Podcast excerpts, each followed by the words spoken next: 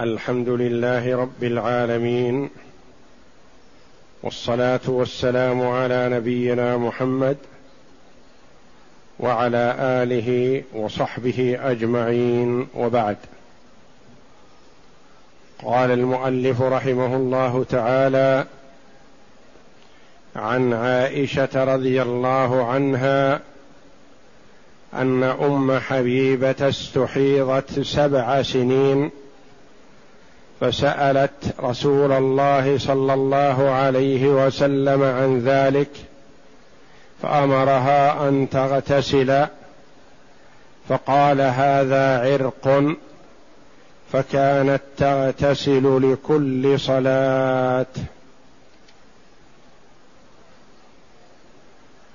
هذا الحديث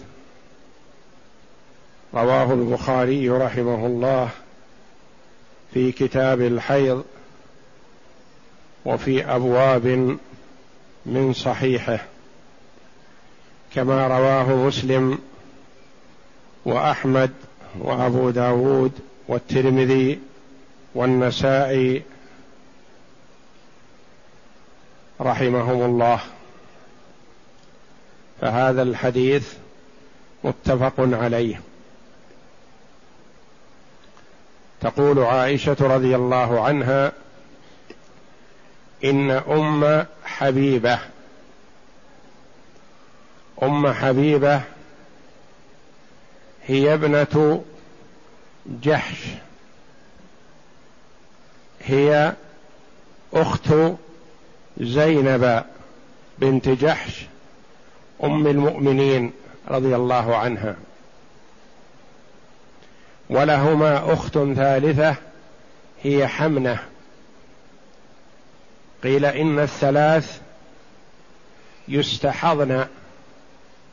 وقيل اثنتان أم حبيبة وحمنة. والاستحاضة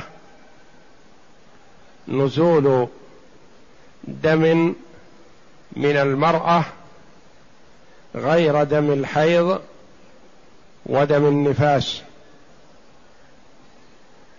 وهو لا يمنع من الصلاة ولا من الصيام. وكانت أم حبيبة تحت عبد الرحمن بن عوف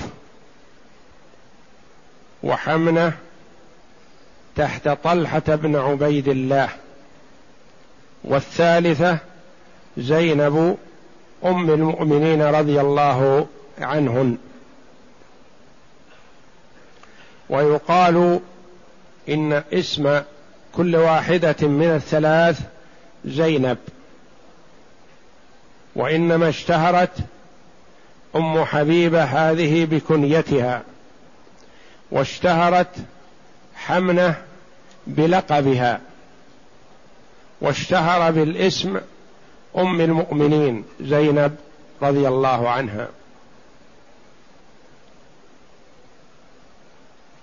وقد ورد أن إحدى أمهات المؤمنين استحيضت يعني أصابها الحيض. قال بعض رواة الحديث هي زينب رضي الله عنها. استحيضت سبع سنين. يعني استمرت معها الاستحاضة سبع سنين. من هذه السبع سنوات قبل أن تسأل النبي صلى الله عليه وسلم. ومنها بعد سؤالها. فسألت رسول الله صلى الله عليه وسلم عن ذلك. لأنه رؤي أنها كانت تترك الصلاة تظن أنها مثل الحيض تترك لها الصلاة. فسألها النبي صلى الله عليه وسلم فأمرها أن تغتسل. يعني تغتسل إذا انتهت أيام عادتها إذا انتهت أيام حيضها تغتسل ولو لم ينقطع الدم. فتغتسل لانقضاء العادة. ثم تصلي. والصفة أن تغتسل عن الحيض. ثم تستنجي بالماء. ثم تضع حفاظة أو نحوها تمنع نزول الدم. ثم تتوضأ وتصلي بوضوئها هذا الفرض والنوافل.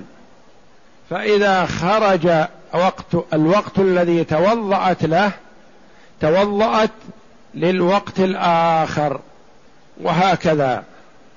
وكانت أم حبيبة رضي الله عنها تغتسل لكل صلاة. فأخذ من هذا بعض العلماء أن المستحاضة تغتسل لكل صلاة. فتجمع الظهر والعصر بغسل واحد وتجمع المغرب والعشاء بغسل واحد وتغتسل لصلاة الفجر.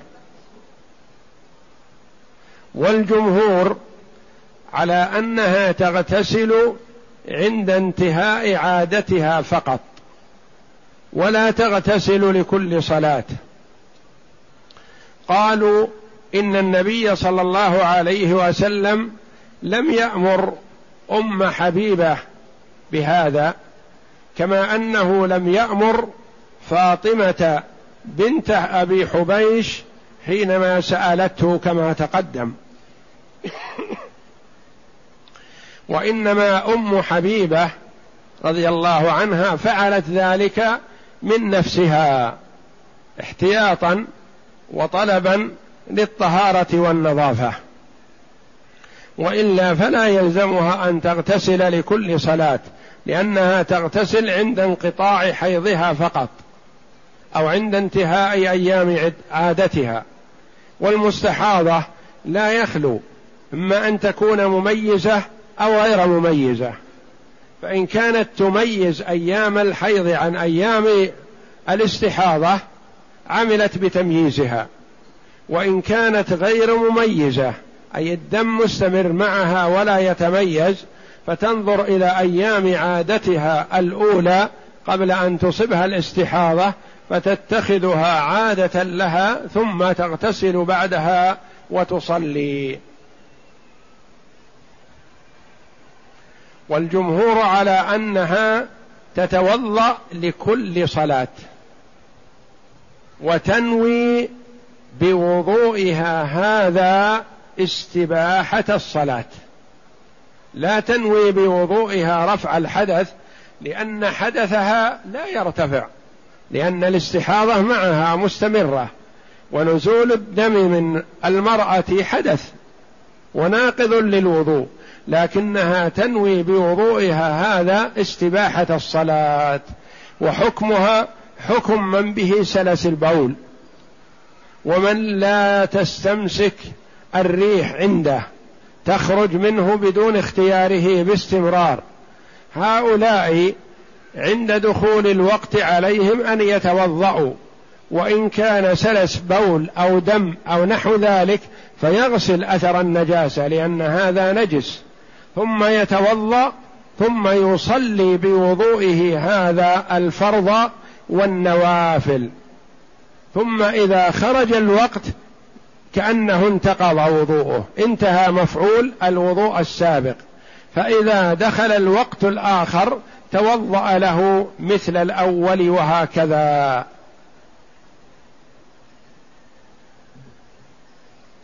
ففهم من هذا أن الاستحاضة لا تمنع الصلاة ولا الصيام كما أن سلس البول والريح لا يمنع من الصلاة بل يجب على من أصيب بهذا أن يصلي.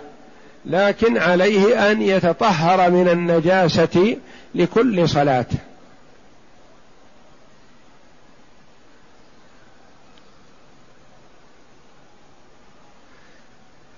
وفي قول عائشة رضي الله عنها فكانت تغتسل لكل صلاة يعني أنها تغتسل غسلها من الحيض تغتسل لكل صلاة طلبا للنظافة والطهارة وخشية أن يكون ما خرج منها شيء من الحيض ربما أنها تكون لا تميز الحيض من الاستحاضة فتخشى أن تكون هذا الخارج هو الحيض فتغتسل له.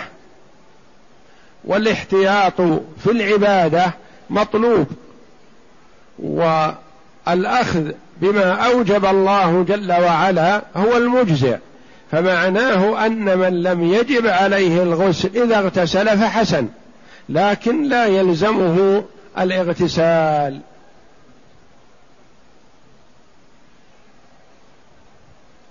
أخذ من هذا بعض العلماء أن من ترك الصلاة وقتا طويلا يظن أنها لا تجب عليه للعذر الذي هو فيه أنه لا يؤمر بالقضاء لما فات. قالوا إن هذه المستحاضة كانت تترك الصلاة لأنها تظنها حيض ومدة تركها كان وقتا طويلا. لقول عائشة استحيضت سبع سنين فمضى سنوات لم تسأل النبي صلى الله عليه وسلم تظن أن ذلك حيض. فكانت تترك لذلك الصلاة.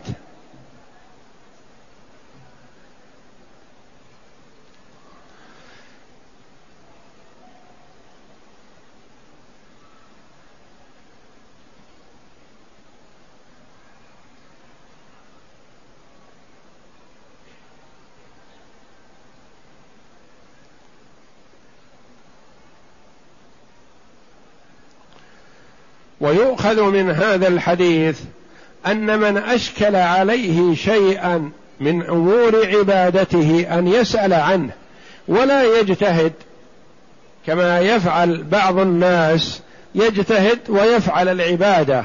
فإذا مضى زمن قال فعلت وفعلت ما الذي يجب علي؟ فنقول له يا أخي قبل أن تقدم على العبادة اسأل عما يشكل عليك. حتى تعبد الله على بصيرة. ولا يليق بالمسلم أن يقدم على الفعل مثلا سواء كان صلاة أو حجا أو زكاة يقدم على الشيء من تلقاء نفسه ثم يسأل بعد ذلك. بل على المرء أن يسأل كما أمر الله جل وعلا بقوله فاسألوا أهل الذكر إن كنتم لا تعلمون يعني اسأل أهل العلم حتى تعبد الله على بصيرة وعلى هدى ولا تعبد الله على جهل لأن من عبد الله على جهل وضلال فقد تشبه بالنصارى والعياذ بالله. كما أن من كان عنده علم فلم يعمل به ففيه شبه من اليهود لأن اليهود عندهم العلم فلم يعملوا به. والنصارى عبدوا الله على جهل فأمرنا الله جل وعلا بأن نسأله الهداية إلى الصراط المستقيم وأن يجنبنا طريق المغضوب عليهم وهم اليهود وأن يجنبنا طريق الضالين وهم النصارى.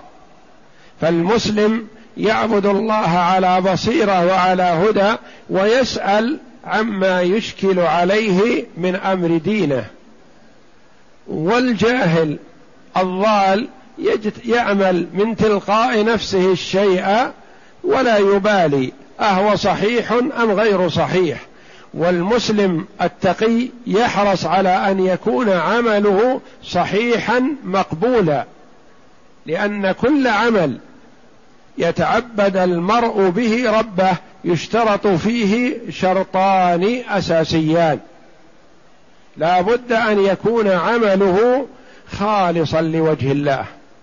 فإن كان رياء وسمعة فلا قيمة له. الشرط الثاني أن يكون موافقا لسنة رسول الله صلى الله عليه وسلم. فإن كان مخالفا للسنة فلا قيمة له. لأن النبي صلى الله عليه وسلم قال من أحدث في أمرنا هذا ما ليس منه فهو رد. وقال صلى الله عليه وسلم في رواية من عمل عملا ليس عليه أمرنا فهو رد. يعني إذا عمل المرء العمل والعبادة لله وإن كانت خالصة لوجهه لكنها على خلاف سنة رسول الله صلى الله عليه وسلم فعمله مردود عليه. فيحرص المسلم على أن يكون عمله خالصا لوجه الله تعالى صوابا على سنة رسول الله صلى الله عليه وسلم ليكون بإذن الله نافعا وإن قل. فإذا قل العمل وكان خالصا صوابا نفع. وإذا لم يكن خالصا أو لم يكن صوابا فلا ينفع حتى وإن كثر. كما قال الله جل وعلا وقدمنا إلى ما عملوا من عمل فجعلناه هباء منثورا. أعمال كثيرة ظاهرها أنها مفيدة لكن لما فقد فيها شرط من الشرطين الأساسيين بطلت وصارت لا قيمة لها. والله أعلم. وصلى الله وسلم وبارك على عبد ورسول نبينا محمد وعلى آله وصحبه أجمعين.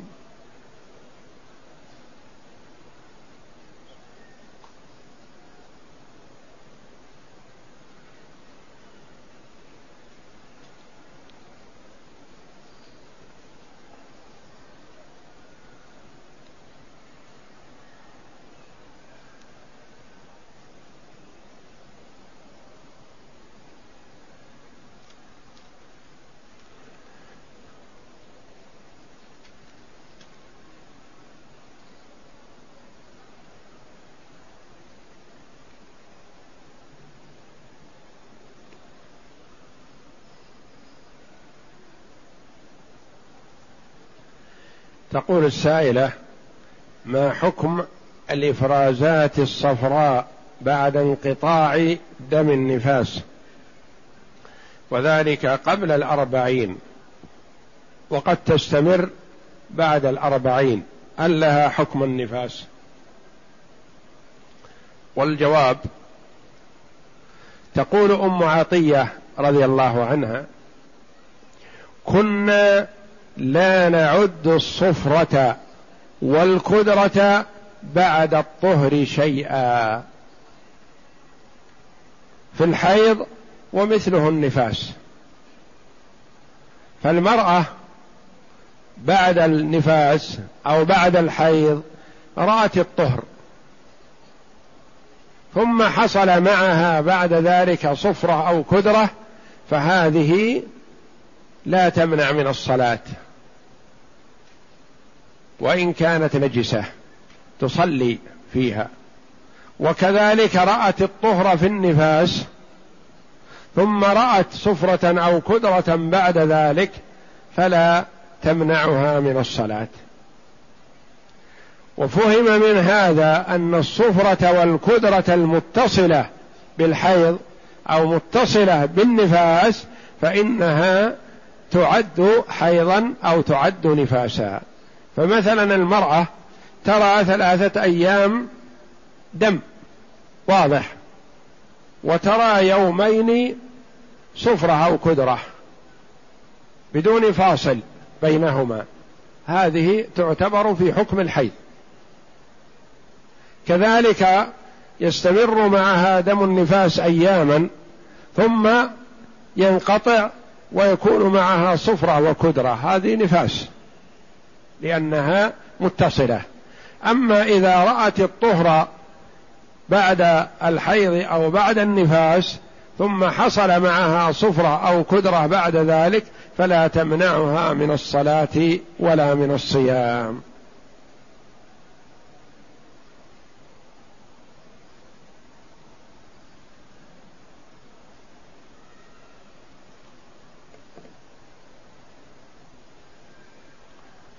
يقول نصراني تزوج مسلمة فأنجبت له ولد ومات النصراني وله أموال. كيف يكون الميراث؟ اولا لا يجوز أن يتزوج غير المسلم مسلمة. ممنوع شرعا. لا يجوز. والزواج حينئذ غير صحيح. لأن المسلمة لا يجوز أن يتزوجها إلا مسلم.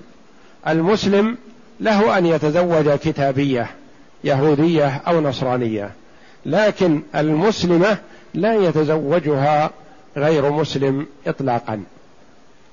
فإذا فعل فرق بينهما ولا يقرون على هذا الزواج والزواج غير صحيح يكون غير شرعي.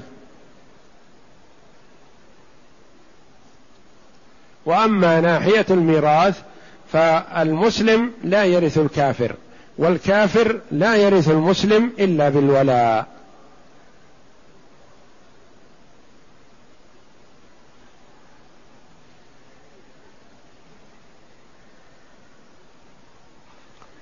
هل الرجل إذا كان فاقد العقل فقتل رجلا هل يقتل به أم يلزم أهله الدية. من شروط القصاص أن يكون القاتل مكلف. مكلف يعني عاقل. أما إذا كان مجنون أو مخرف فلا يقتل بخلاف ما إذا كان قتله قتله إياه حال سكر فهذا يؤاخذ به يقتل به يقتص منه. إذا قتل حال سكره فيقتل به. أما إذا قتل حال جنونه أو حال تخريفه لا يدرك فلا يقتل به وإنما فيه الدية.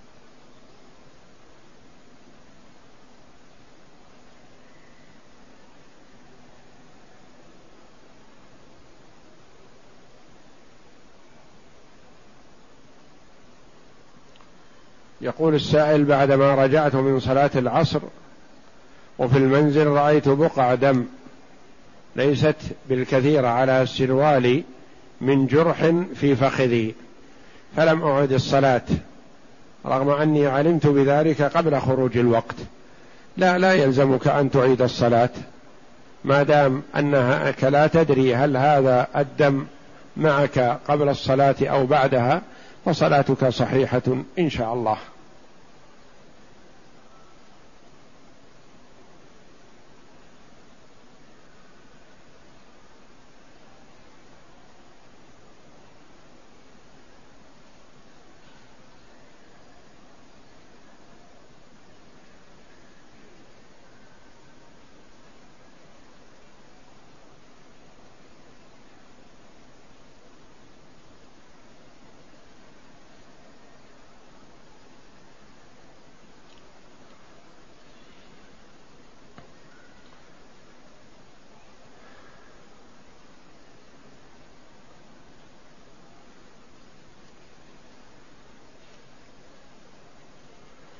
يقول هل تسمية الحجر بحجر إسماعيل لأن إسماعيل عليه السلام مدفون به؟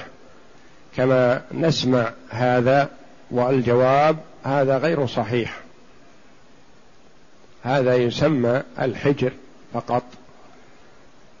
و ولا يقال وليس إسماعيل مدفون به لأن المسجد الحرام خال من القبور وما يزعم بأن فيه قبور لبعض الأنبياء وما انتشر من نشرة توزع من قبل بعض الجهلة هذا خطأ وجهل.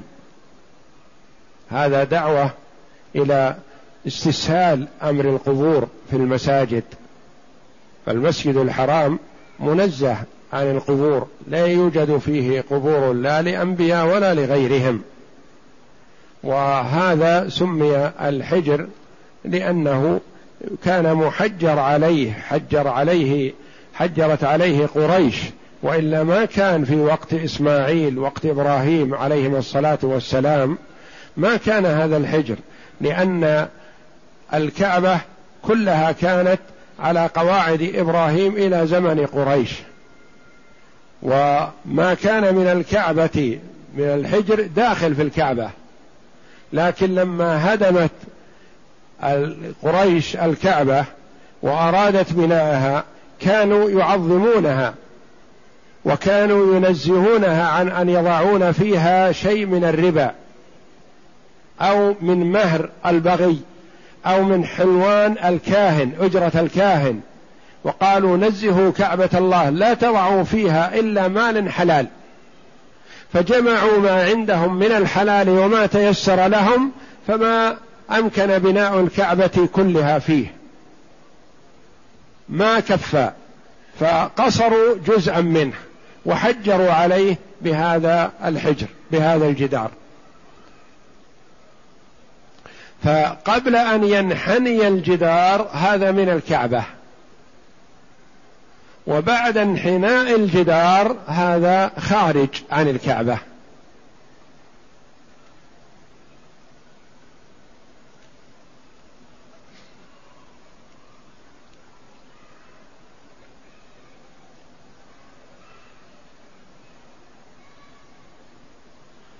يقول قوله جل وعلا واتخذوا من مقام إبراهيم مصلى ما المراد بالمقام؟ وأقول للعلماء رحمهم الله في تفسير المقام بهذه الآية الكريمة قولان. قيل المراد بمقام إبراهيم المسجد الحرام كله لأنه مقام إبراهيم عليه السلام كان يصلي فيه. وقيل المراد بمقام إبراهيم هذه الصخرة التي كان يصعد عليها حينما كان يبني الكعبة وإسماعيل عليهما السلام يناوله الحجارة.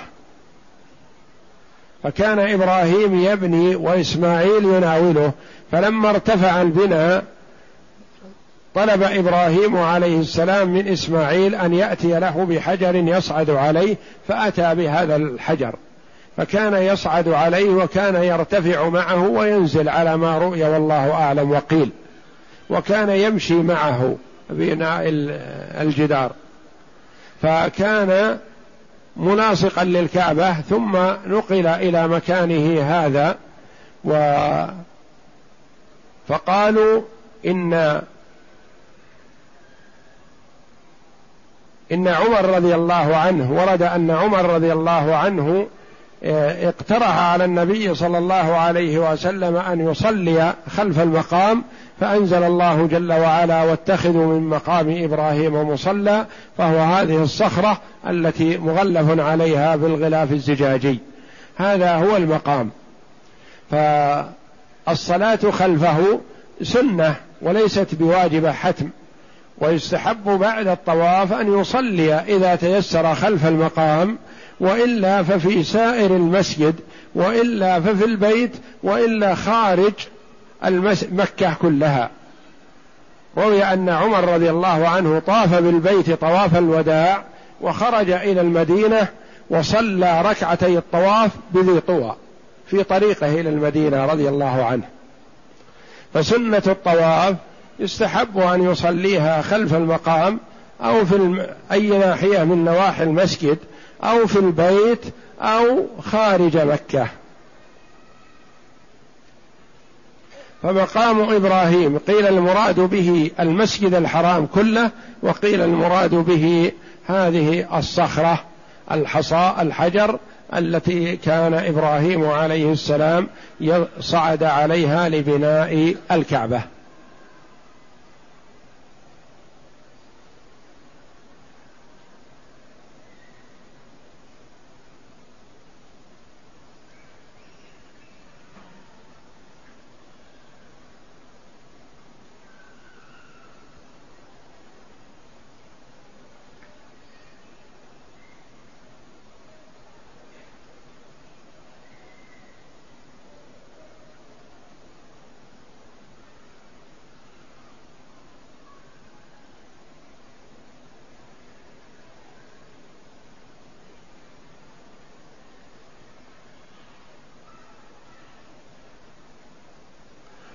حكم النية والتلفظ بها. اولا النية شرط أساسي لكل عبادة. لقوله صلى الله عليه وسلم إنما الأعمال بالنيات وإنما لكل امرئ ما نوى. فبحسب نية المرء لله جل وعلا فهو لله ويثيبه الله على ذلك. لغير الله فالله جل وعلا غني عنه ولا يقبله. وأما التلفظ بها فلم ينقل. لم ينقل التلفظ بها في كثير من العبادات ونقل في بعضها. نقل في الحج لبيك حج أضحية مثلا اللهم هذا منك ولك عني وعن والدي أو عن فلان. وأما في الصلاة فلم يرد أن النبي صلى الله عليه وسلم تلفظ بها ولا أمر بها ولم يرد عن أحد من الصحابة رضي الله عنهم. فالتلفظ بها إذن كما قال شيخ الإسلام محمد بن عبد الوهاب رحمه الله التلفظ بها بدعة. يعني غير مشروع مخالف لسنة الرسول صلى الله عليه وسلم. النية محلها القلب. فيجب على المرء أن يخلص نيته لله جل وعلا ولا يجوز له أن يتلفظ بها. لأن الله جل وعلا يعلم لا تخفى عليه خافية. حتى لو قلت نويت أن أصلي لله وأنت لا تريد وجه الله فالله جل وعلا لا يقبل منك. لأنه يعلم ما في قلبك أنت صليت له أو صليت لغيره.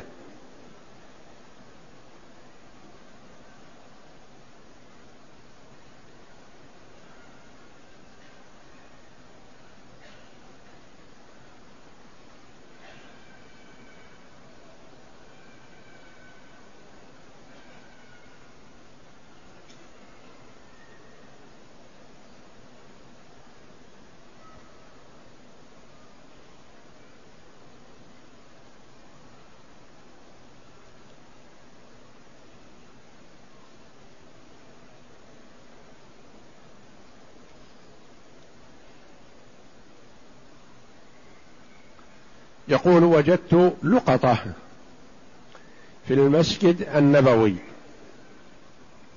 فتصدقت بها.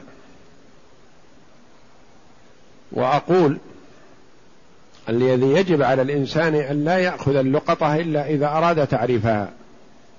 لا يجوز له أن يأخذ اللقطة إلا إذا أراد تعريفها.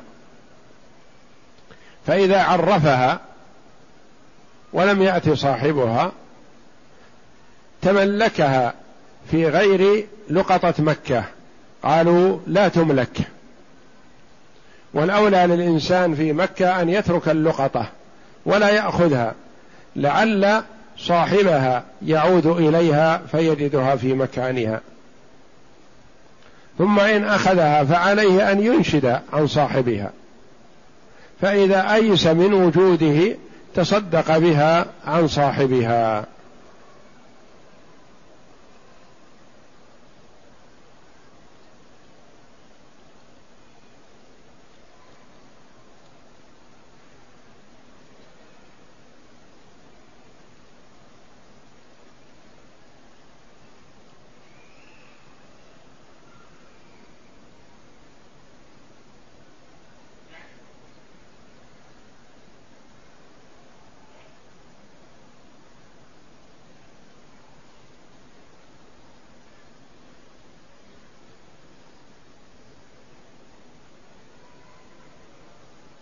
يقول هل يفهم من الحديث أن أم المؤمنين استحاضت سبع سنين؟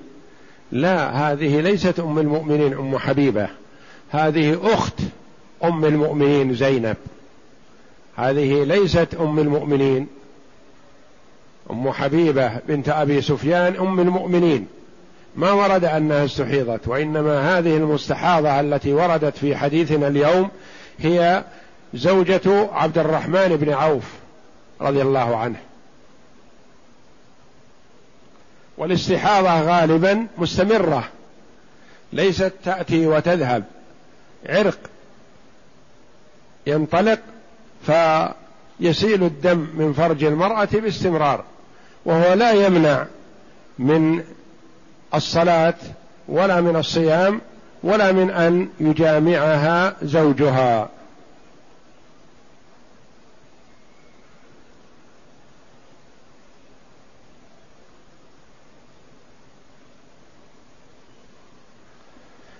يقول إذا أراد الإنسان أن يصوم ثلاثة أيام من كل شهر هل الأفضل أن يصوم أيام البيض أم يجعلها في أيام الخميس والإثنين ونحو ذلك؟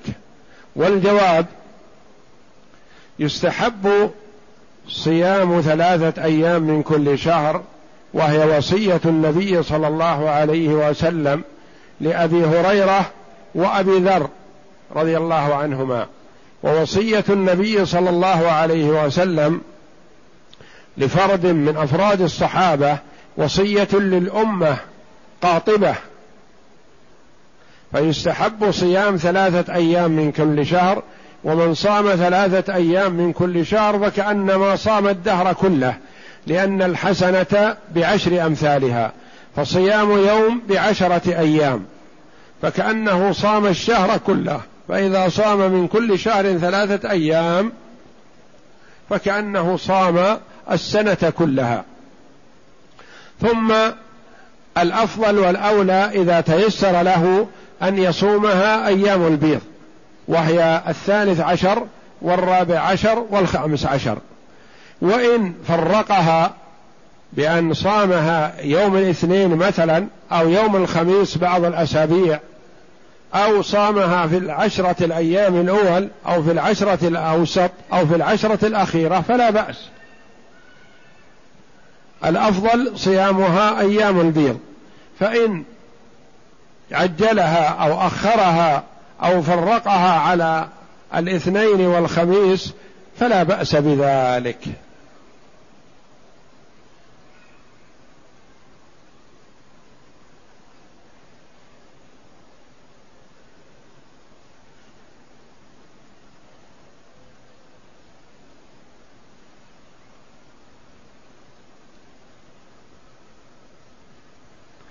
من أحست ببداية نزول الدورة وذلك بخروج كدرة ثم أخذت حبوبا مانعة لنزول الدورة لكي تؤدي عمرتها. فهل عمرتها صحيحة؟ أقول إذا أخذت ما يمنع نزول الدم فامتنع. امتنع الدم فعمرتها صحيحة. لأن الذي يمنع العمرة هو الدم. فإذا امتنع الدم ولم ينزل فعمرتها صحيحة. وأما إذا أخذت ما يمنع لكن ما قوي في المنع صار ينزل شيء خفيف فهي حائض فلا يصح أن تؤدي عمرتها في هذه الحال.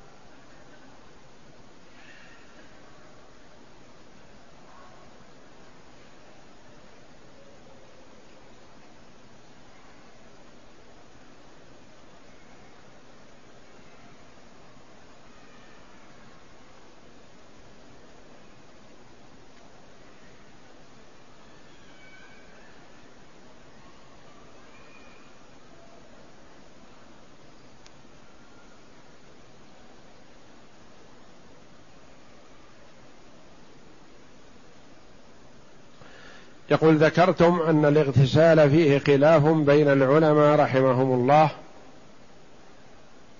وأن الجمهور قالوا بأن الاغتسال لم يرد فيه نص ثابت فهل تلزم المستحاضة بالاغتسال؟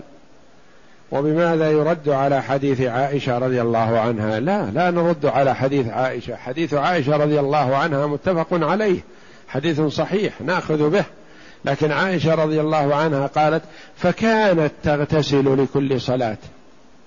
أمرها النبي صلى الله عليه وسلم أن تغتسل يعني عند انقضاء حيضها.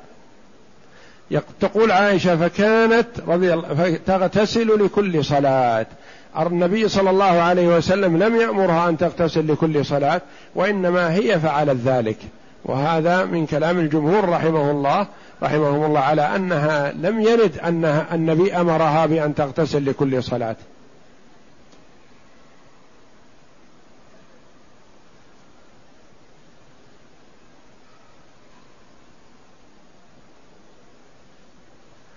يقول السائل كيف يكون العمل خالصا لوجه الله ولم يكن صوابا على سنة رسول الله صلى الله عليه وسلم؟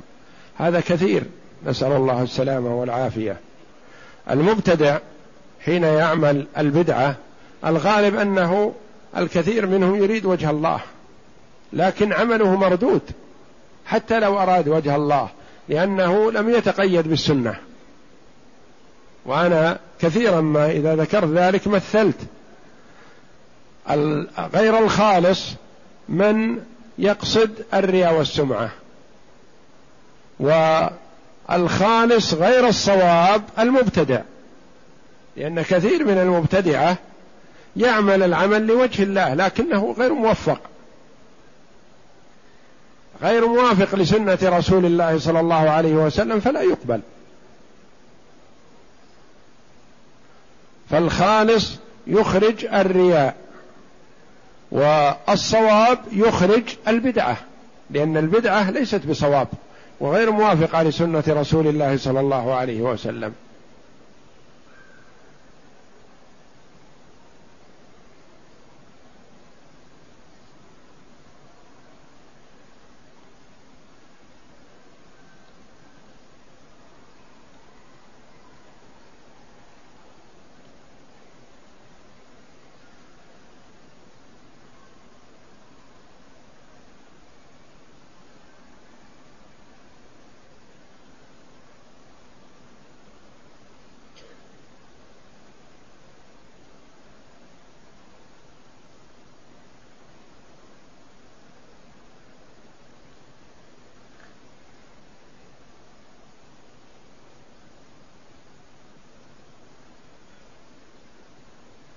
هذا السؤال في الميراث مات أبوه وخلف أولادا وأما وأب ثم مات الأب وخلف أولادا ثم ماتت الأم أم المتوفى الأول وخلفت أولادا من غير آه، إخوة المتوفى الأول من زوج آخر وهكذا. فكيف يكون الميراث؟ تقسم تركة كل شخص على ورثته. فالبيت الذي خلفه والدكم أيها السائل يكون لكم ولجدكم ولجدتكم. ثم نصيب جدكم يكون لأولاده ونصيب جدتكم يكون لأولادها. وهكذا كل على حسب ميراثه.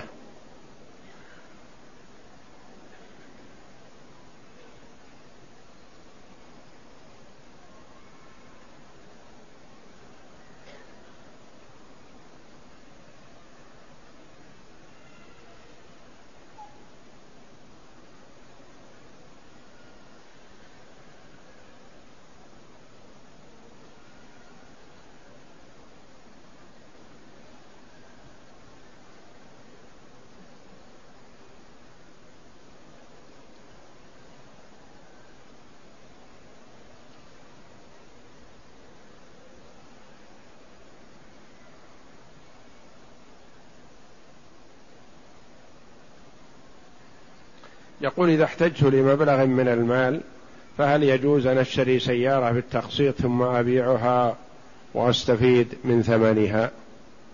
هذه المسألة تسمى مسألة التورق وهي مسألة فيها خلاف.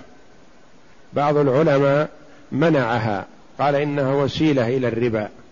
وممن منع ذلك شيخ الإسلام ابن تيمية رحمه الله.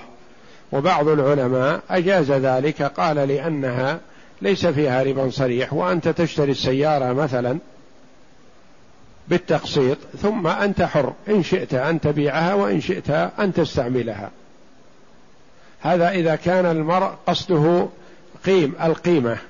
أما إذا اشترى السيارة بالتقسيط ليستعملها فلا شيء في ذلك. هذا من البيع بالأجل. والله جل وعلا أحل الله البيع واحل الله أحل الله البيع وحرم الربا فالبيع والشراء حلال ما لم يدخله ربا.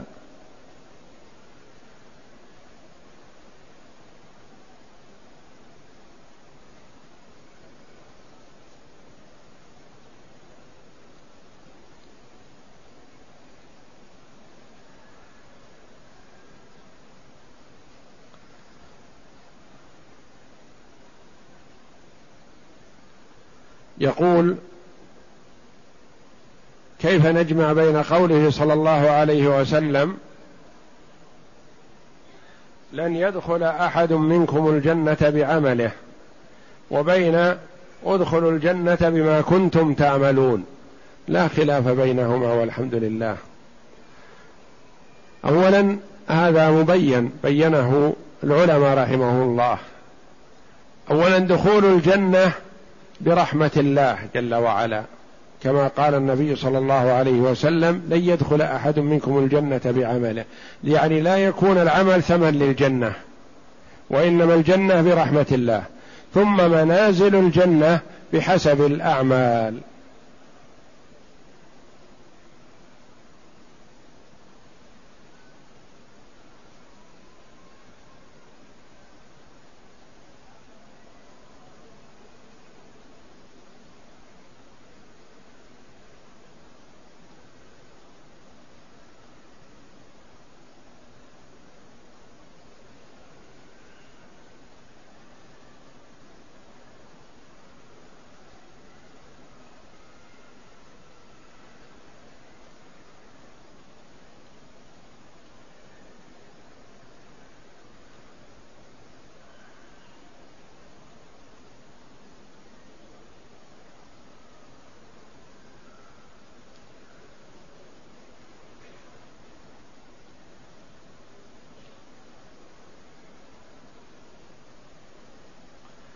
يقول بعد أن أتوضأ لصلاة العصر مثلا بين الأذان والإقامة ثم أذهب إلى المسجد وأصلي مع الإمام فعند السجود أو القيام أحس بخروج شيء من البول.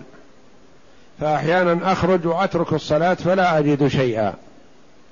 واحيانا لا أخرج وقد أجد بعض الأثر. والجواب على المرء أن يحتاط ويتنزه من البول عند قضاء الحاجة. فقد ورد أن عامة عذاب القبر منه والنبي صلى الله عليه وسلم مر بقبرين فقال إنهما ليعذبان وما يعذبان في كبير. أما أحدهما فكان لا يستبرئ من البول وأما الآخر فكان يمشي بالنميمة. يعني وما يعذبان في كبير في شديد التحرز منه. يعني التحرز منه سهل. المرء يتطهر ويتنظف من البول قبل أن يستنجي والمسلم يمسك بلسان نفسه ولا يتكلم بالغيبة. وإن وفي رواية وإنهما لكبير يعني إثمهما عظيم عند الله. فعلى المرء أن يستبرئ من البول ويتنزه منه ثم يستنجي. ثم لا يخرج من صلاته بمجرد شك أو توقع أنه خرج منه. لا يخرج. يقول النبي صلى الله عليه وسلم لا يخرج حتى يسمع صوتا أو يجد ريحا. سئل عليه الصلاة والسلام الرجل يخيل إليه أنه أحدث ماذا يفعل؟ قال لا يخرج حتى يسمع صوتا أو يجد ريحا. يعني لا يخرج حتى يتأكد. أما مجرد الشك فلا. لذا قال كثير من العلماء رحمهم الله يستحب لمن ينتابه الشك أحيانا أن إذا توضأ واستنجى أن يرش على إزاره أو سرواله شيء من الماء. حتى إذا احس بشيء من الرطوبة قال هذا من الماء الذي رششته على السروال. فيسلم من وسوسة الشيطان وتلاعبه بالعبد. والشيطان يحاول أن يتلاعب بالمسلم ما ما استطاع إلى ذلك سبيلا. فأحيانا يأتيه من طريق الشك والوسوسة والطهارة وأحيانا يأتيه من طريق الشك في التكبير يقول ما كبرت ما كبرت تكبيرة الإحرام ما قلت الله أكبر ما كذا ما كذا يتلاعب به. فعلى المسلم أن يستحضر قلبه في صلاته وعبادته ولا يلتفت للشيطان ووساوسه وشكوكه. حتى يطرده عن نفسه بإذن الله.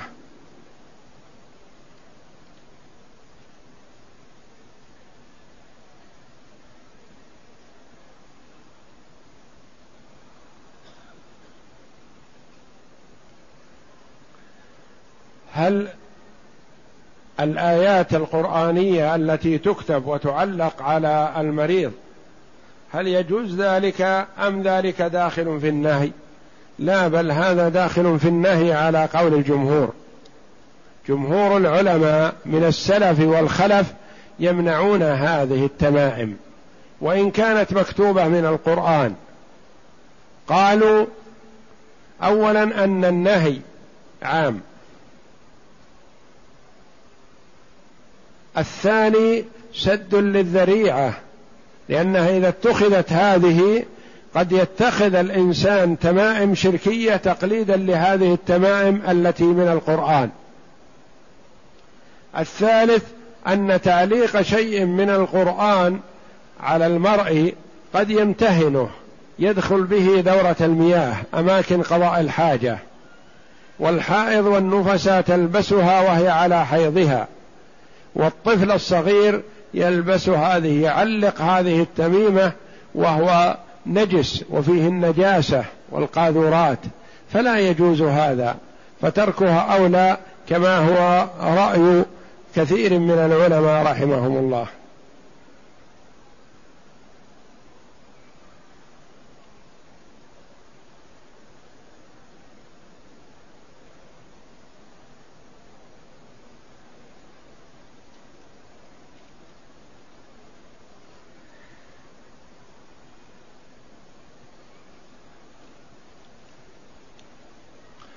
يقول صلاة الجنازة هل تختم بتسليمة واحدة كما هنا أم بتسليمتين كما هو في بلادنا؟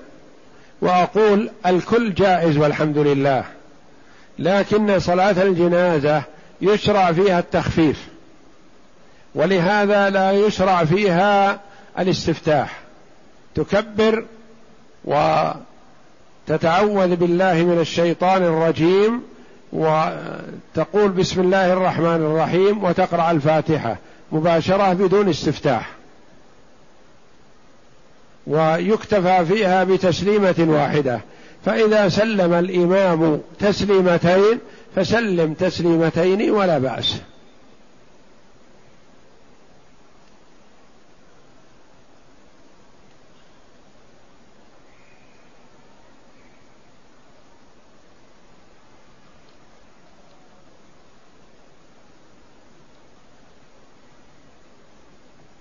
يقول معنى قوله جل وعلا وأما السائل فلا تنهر.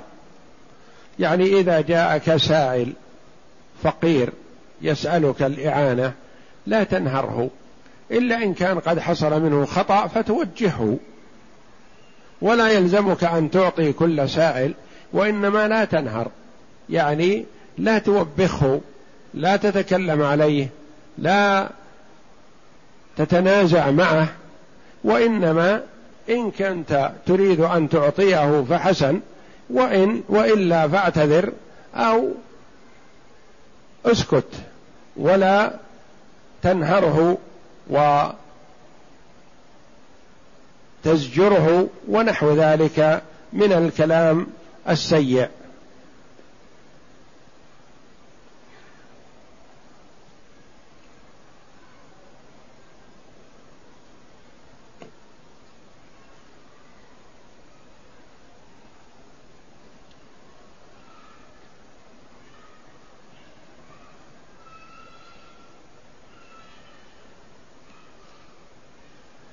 بداية الطواف هل يشترط فيها محاذاة الحجر الأسود والمعلم عليه باللون؟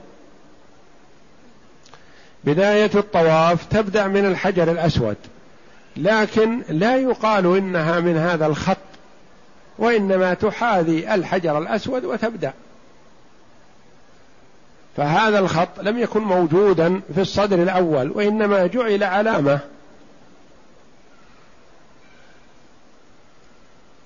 بداية السعي ونهايته هل يشترط فيها الصعود للأعلى أم لا؟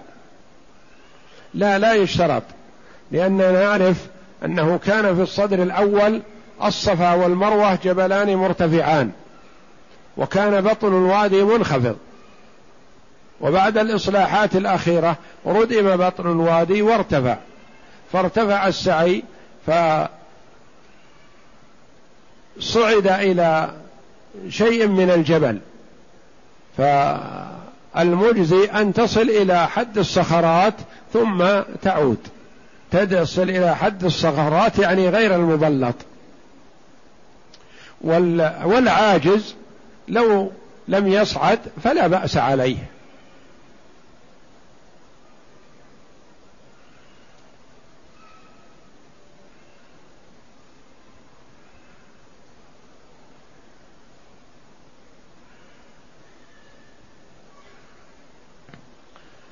هل يجوز للمورث أن يمنع أحد أولاده من الإرث ويكتب ذلك حيث أن ذلك الولد قد آذاه؟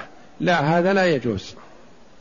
الوارث الشرعي لا يجوز منعه. ولا يطاع الوالد في هذا. لا يقبل منه ذلك. بل يعطى ما دام يستحق الميراث مسلم يصلي مسلم حتى وإن كان والده غاضبا عليه.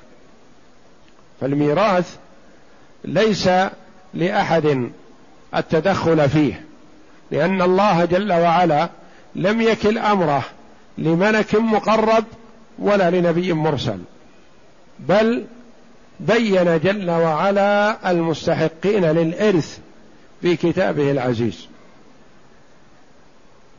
فلا يجوز للوالد أن يقول أعطوا فلانا ولا تعطوا فلانا من الميراث. الميراث كما قسمه الله جل وعلا. ولو قال هذا أو كتب بأن فلان لا يرثني أو لا يعطى من ميراثي إن كان ليس بولده فينظر في هذا يتحقق من هذا. أما إذا كان ولده لكن أراد أن يعذبه أو أن ينتقم منه أو أن يؤدبه بمنع من الميراث فليس له ذلك. وهل يصح أن يؤخذ من تركة الميت ويجعل صدقة جارية؟ إذا اتفق الورثة على هذا فلا بأس. وكانوا مدركين بالغين جائز التصرف. أما أن يكون الورثة كبار وصغار مثلا ثم يقول الكبار بنخصص البيت الفلاني أو الأرض الفلانية أو المزرعة الفلانية سبيل للوالد والوالد ما وصى بشيء فلا يجوز لهم ذلك إلا أن يخصصوا مما يستحقون. أما أن يخصصوا مما يستحق القصار معهم فيه فلا لأن نصيب القاصر لا يتبرع منه بشيء. وأما البالغ فمن حقه أن يتبرع بكل نصيبه إن شاء. وإذا كان الورثة كلهم بالغون وقالوا في أنفس تفاهموا فيما بينهم بأن يجعلوا هذا البيت أو هذه الأرض أو هذه المزرعة مثلا آه، صدقة لوالدهم